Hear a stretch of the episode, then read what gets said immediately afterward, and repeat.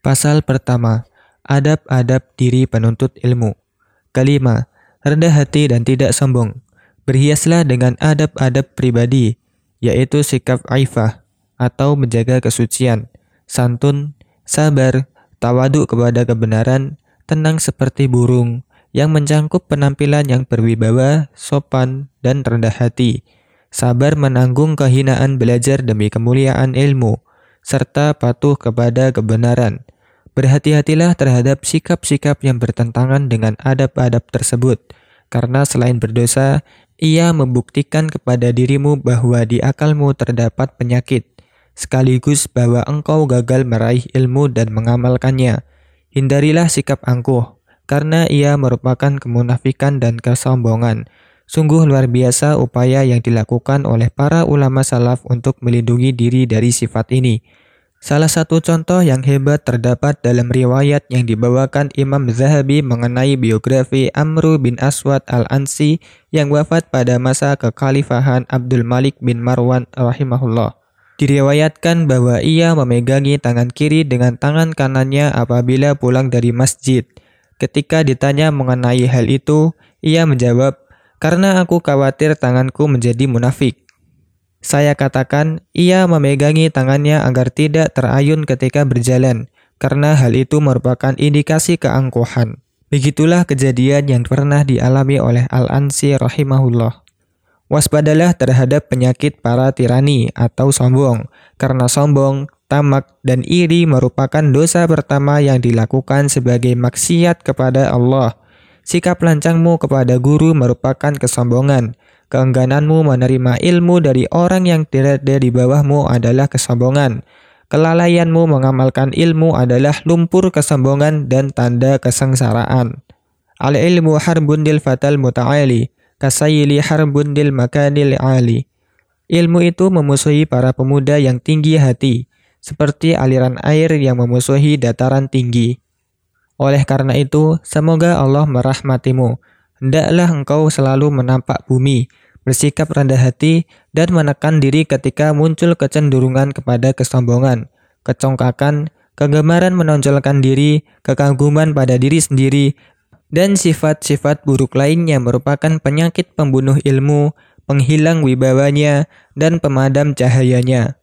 Setiap kali ilmumu bertambah atau kedudukanmu bertambah tinggi, pegang teguhlah adab ini, niscaya kelak kau raih kebahagiaan agung dan kedudukan yang menjadikan banyak orang iri kepadamu.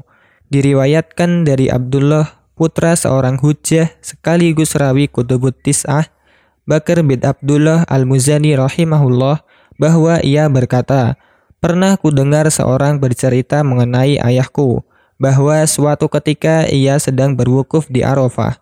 Tiba-tiba ia menangis. Ia berkata, Andai kata aku tidak berada di tengah-tengah mereka, Niscaya aku katakan bahwa mereka semua sudah diampuni.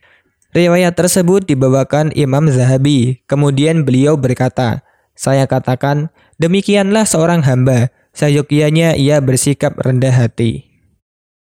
Keenam, kona'ah dan zuhud. Berhias diri dengan sikap kona'ah dan zuhud.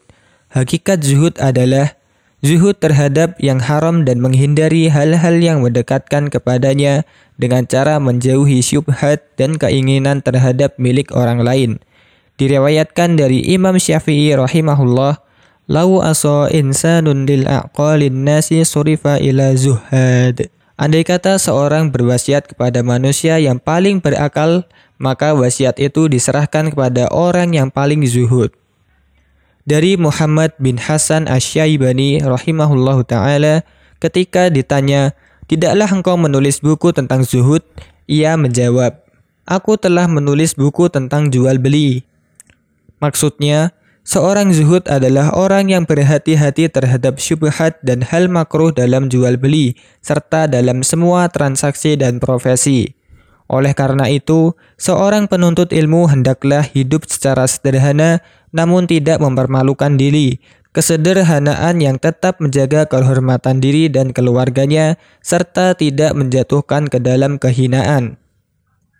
Guru kami, Syekh Muhammad Amin Ansyangkiti, wafat 17 Zulhijjah 1392 Hijriah adalah seorang yang zuhud terhadap dunia. Saya menyaksikan sendiri beliau tidak mengenali beberapa jenis mata uang kertas. Beliau pernah bertutur langsung kepada saya, Aku datang dari Syangkit membawa harta karun yang jarang dimiliki orang lain, yaitu kona'ah. Andai kata menginginkan jabatan, aku mengerti jalan mendapatkannya.